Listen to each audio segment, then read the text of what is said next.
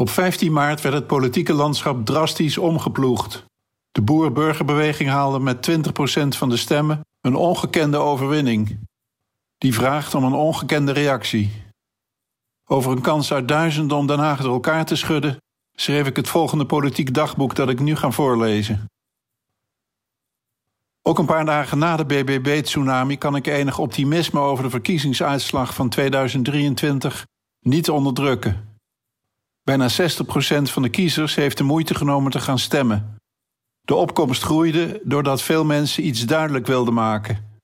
De manier van regeren in Nederland heeft op zijn donder gekregen. En dat werd tijd ook. Het moet nu echt anders, was de centrale boodschap. Dat is geen programma, maar wel een opdracht. Vlak na de provinciale statenverkiezingen van 15 maart werd door regeringspartijen nog even geopperd dat de coalitie het gek genoeg makkelijker zou krijgen in de Eerste Kamer. Ze kon zowel over rechts als over links aan meerderheden komen. Nou, vergeet het maar. Intussen ziet het er naar uit dat PvdA en GroenLinks in de Eerste Kamer een zetel te weinig zullen hebben. De coalitie kan in de Senaat nog wel steun zoeken bij Volt of de Partij voor de Dieren, maar de boodschap van de kiezer wijst radicaal de andere kant op. De eclatante winst van BBB negeren is politiek suïcidaal, onbeschoft, onredelijk en onverstandig. Winst voor BBB was voorspeld en als vrijwel vaststaand feit eindeloos rondgetoeterd. Het zou beter zijn als media daar in de aanloop naar verkiezingen wat terughoudender in waren. Maar de megawinst komt niet uit de lucht vallen. De verrassing van de uitslag was dat BBB naast alle provincies ook in middelgrote steden en verstedelijkte gebieden, zelfs in het westen van het land, busladingen kiezers wist te trekken. Die waren afkomstig van bijna alle andere partijen. Dat maakt het een brede volksbeweging die nu haar stem verheft. Het is natuurlijk ondoenlijk de motieven van al die mensen los te benoemen, maar er zijn wel een paar aannemelijke verklaringen. In eerste instantie bundelde BBB het boerenprotest tegen de stikstofmaatregelen zoals die waren aangekondigd door het kabinet Rutte 4. Aldoende is men de bestaande onvrede in de landbouwprovincies en daarna in het hele land gaan oogsten. Terwijl voorvrouw Caroline van der Plas in het begin bezwaar maakte als haar partij met de drie letteren afkorting werd aangeduid, spelde haar campagne de naam Boer-Burgerbeweging op den duur zelf niet meer vooruit. De marketing werd verbreed. BBB werd het nationale protestorgel. De helft van de stemmen komt dan ook niet van het platteland. Deze onvrede heeft veel oorzaken. Deze kiezersoploop gaat al lang niet meer alleen over boeren die hun bedrijf moeten sluiten of hun veestapel drastisch verkleinen. De geschiedenis van het Europees en daaruit volgende Nederlandse landbouwbeleid is er een van eindeloos verplicht verkavelen en vernieuwen, met als rode draad lenen, investeren en schaalvergroten. En daar dwars doorheen reeksen maatregelen om de milieubelasting te verminderen. Melkquota, mestquota. De boerenlobby heeft met steun van CDA, VVD en de agro-industrie te lang maatregelen tegengehouden om de schade aan de leefomgeving te beperken.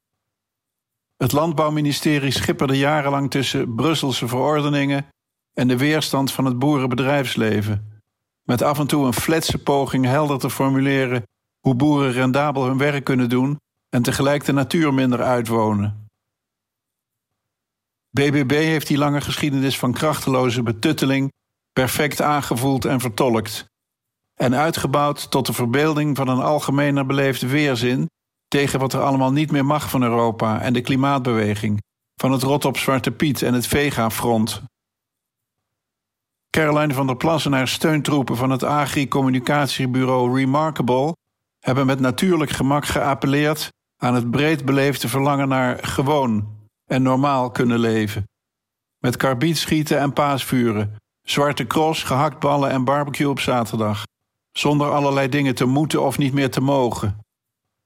Voorlopig trok BBB vooral oudere en lager, of beter gezegd praktisch opgeleide kiezers aan. Maar kijk niet raar op als er ook een succesvolle jongere bewegingen aan vastgeplakt wordt. Zo werd de massaoverwinning van BBB een aanklacht tegen het verdwijnen van buslijnen, ziekenhuizen en alles wat een streek verder bewoonbaar maakt. Maar ook een teken van verzet tegen de modellen en de technocratie, het superioriteitsgevoel van de cosmopolitische randstad, het automatische gelijk van de hoger opgeleide elite en het vermeende zeker weten van de wetenschap. Sterk gevoelde belevingsbezwaren in een deel van Nederland dat het vertrouwen in de politiek kwijt is. Niet serieus genomen worden, niet gevraagd om mee te denken over oplossingen.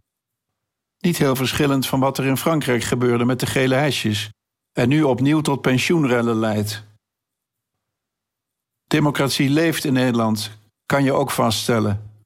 De megasteun voor BBB is een signaal dat de minst kansrijke 30% die het Sociaal en Cultureel Planbureau identificeerde in haar recente rapport Eigentijdse Ongelijkheid, zich laat horen en wil aanhaken.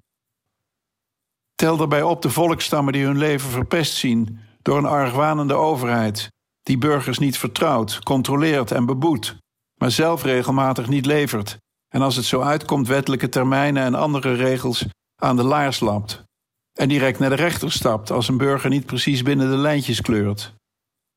Laksheid, geldfocus, mislukte stelselwijzigingen. Groningen, toeslagenaffaire, studentenleenstelsel. Excuses aanbieden maar blijven zitten. Een parlement dat zichzelf onderzoekt in parlementaire enquêtes en er niet van leert. Aftreden maar ongewijzigd terugkomen na een jaar formeren. Denk aan het kabinet Rutte 4. Caroline van der Plas vertegenwoordigt met haar beweging een door burgers afgedwongen correctie van de Haagse politiek en bestuurscultuur. Dat is het goede democratische nieuws. Het zorgelijke nieuws is dat Den Haag niet weet hoe dat moet corrigeren. Rutte en coalitiegenoten hebben bij herhaling beterschap beloofd, maar missen eenvoudig de afstand tot hun dagelijkse Haagse werkplaats om hun eigen rol in te zien. Die brengt met zich mee dat ze eerst moeten zorgen voor een competente, doelmatige, op de burger gerichte overheid. Dat betekent ophouden met al die peperdure en zinloze interne cultuurveranderingsprogramma's bij de Belastingdienst en andere delen van de Rijksoverheid. Ophouden met topambtenaren te laten roleren voordat ze deskundig zijn op enig gebied. Respect terugbrengen voor ambtelijk vakmanschap door de ministeriële linies heen. Niet langer de eigen heigerigheid op het apparaat overdragen. De bestaande politieke elite van de vier coalitiepartijen plus P van de A, GroenLinks heeft recent niet meegeregeerd, heeft deze verziekte bestuurscultuur deels veroorzaakt en in ieder geval niet gekeerd. De megawinst van BBB biedt de kans eindelijk te doen wat nodig is. Keihard werken aan een overheid die met burgers en boeren samenwerkt aan oplossingen, die gemaakte keuzes in samenspraak uitvoert. Sommigen in de oude partijen hopen dat BBB het net zo zal vergaan als die vorige populistische grootgroeiers, LPF en FVD, en dus snel in geruzie verdampen. Dat is dit keer minder waarschijnlijk en ook ongewenst. Het land heeft er meer aan als de BBB-kritiek wordt omgezet in breder gedragen beleid, dat daarna kan worden uitgevoerd. De eerste geluiden van BBB zijn positief bedachtzaam, gericht op samenwerken. Zie het aanstellen van niet-leden als formatieverkenners in de provincies. Het moet blijken of de partij het absolute nee tegen het huidige stikstofbeleid kan omzetten in een alternatieve aanpak, die binnen de landelijke en Europese regels blijft.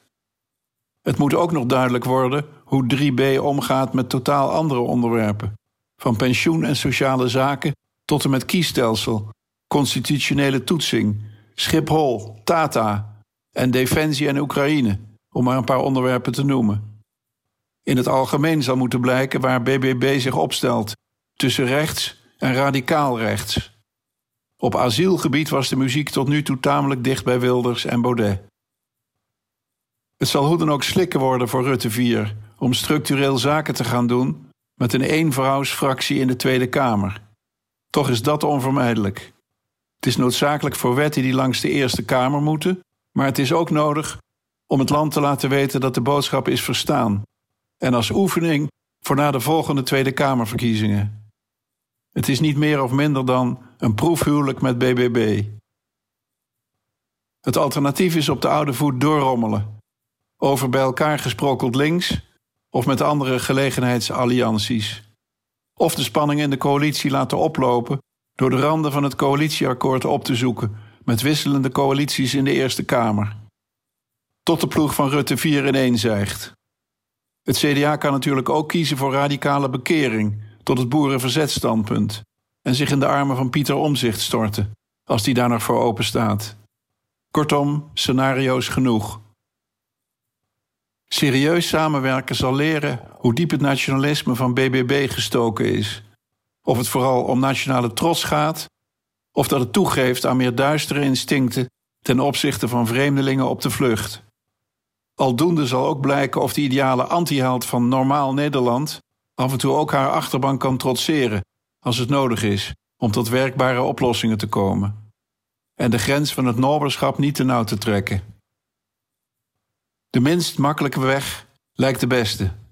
Geen nieuwe Tweede Kamerverkiezingen en twee jaar proberen samen met BBB het land uit het slot te trekken. De kiezers zullen er dankbaar voor zijn.